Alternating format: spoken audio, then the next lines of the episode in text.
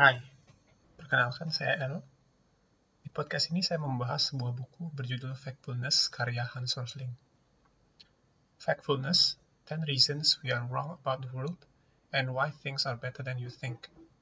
Atau dalam bahasa Indonesia, 10 alasan kita salah tentang dunia dan mengapa beberapa hal lebih baik daripada yang kamu kira. Buku ini merupakan salah satu buku rekomendasi Bill Gates yang dikeluarkan tahun 2018. Saya secara pribadi juga merekomendasikan buku ini buat teman-teman karena buku ini membuka mata teman-teman tentang dunia. Membuat teman-teman yang skeptis bisa jadi lebih open. Tapi kalau masih ragu atau cukup ingin tahu rangkumannya aja, bisa stay tune di podcast saya ini. Di halaman pertama buku ini kita disuguhkan dengan sebuah grafik yang menarik banget, yang secara teknis disebut dengan bubble chart. Hans Rosling menyuguhkan gambar tentang perbandingan pendapatan dan angka harapan hidup dari negara-negara yang ada di dunia. Hans Rosling sendiri memberikan sebuah framework di mana pendapatan dibagi menjadi empat bagian, level 1 hingga level 4. Kalau Indonesia sendiri ada di pendapatan level 3 dengan angka harapan hidup antara 70 sampai 75 tahun. Sedangkan di pojok kanan atas ada Singapura dengan income level 4 dan angka harapan hidup di atas 80 tahun.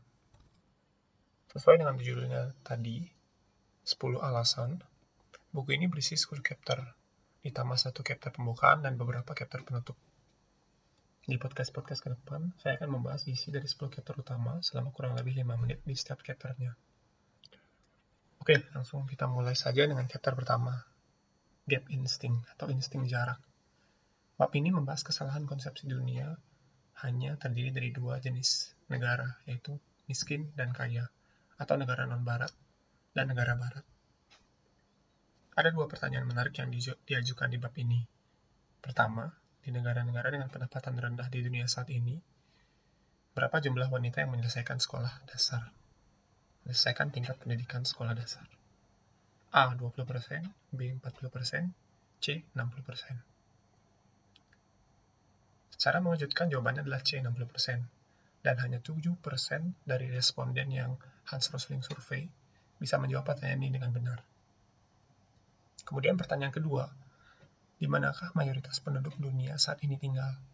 Apakah A. negara dengan pendapatan rendah, B. negara pendapatan menengah, dan C. negara pendapatan tinggi? Ternyata 75% populasi tinggal di negara pendapatan menengah. Hans Rosling secara pribadi menekankan bahwa label negara developing atau negara berkembang dan develop atau negara maju itu sudah tidak valid lagi. Menurut beliau, manusia memang suka mendikotomi sesuatu. Kalau tidak baik, artinya dia jahat. Atau pahlawan versus penjahat. Membagi dua seperti ini mempermudah semuanya bagi manusia dan juga bersifat sangat dramatis sehingga para jurnalis atau media juga sering menggunakan narasi-narasi ini, sejenis ini, untuk menanamkan imajinasi adanya jarak yang terlihat nyata atau gap tersebut. Oke, sekarang kita sudah tahu bahwa dunia ini mayoritas sudah berada di tengah, alias nggak ada gap miskin kaya seperti itu. Kemudian yang lebih penting lagi, gimana sih cara mengontrolnya? Cara mengontrol pikiran gap insting ini.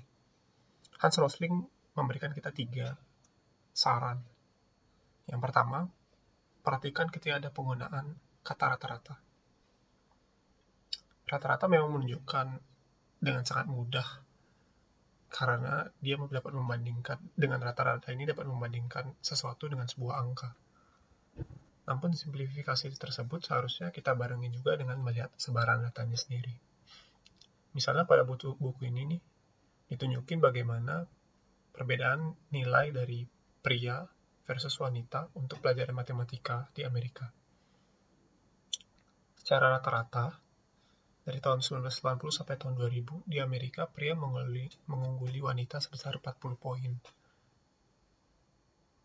Namun ketika kita perhatikan sebaran datanya, ternyata secara mayoritas nilai matematika wanita dan pria itu overlap atau mayoritas sebenarnya sama. Kalau misalnya bisa diambil contoh, dalam satu kelas misalnya ada 40 pria 40 wanita. 35 dari 40 ini nilainya sama nih 80 tapi 5 pria nilainya 95 sedangkan 5 wanita 75 kira-kira seperti itulah.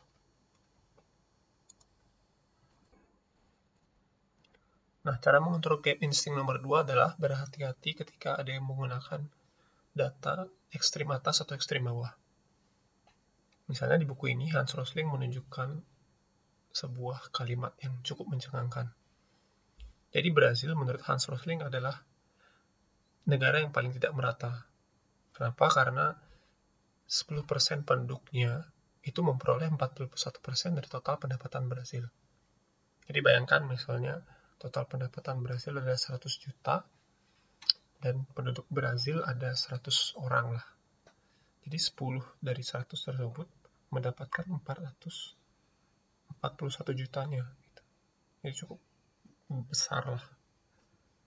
Nah, tapi hal ini bukan berarti bahwa 90 orang atau 90% yang lainnya itu kita bisa simpulkan adalah masyarakat yang miskin. Gitu. Nah, eh, Hans Rosling menunjukkan di buku ini bahwa sebuah grafik bahwa sebagian besar penduduk Brasil itu sebenarnya ada di pendapatan menengah. Bahkan yang level pendapatannya level 1 itu hanya kurang dari 10 persennya.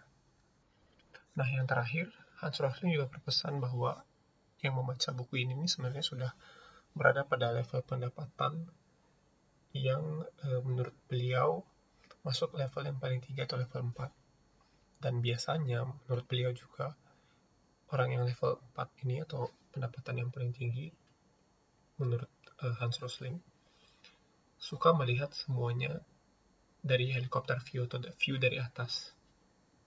Nah, hal ini menyebabkan kita melihat semua yang di bawah kita, level 3, 2, 1 itu sama. Satu kelas gitu. Jadi kita dan versus rest of them.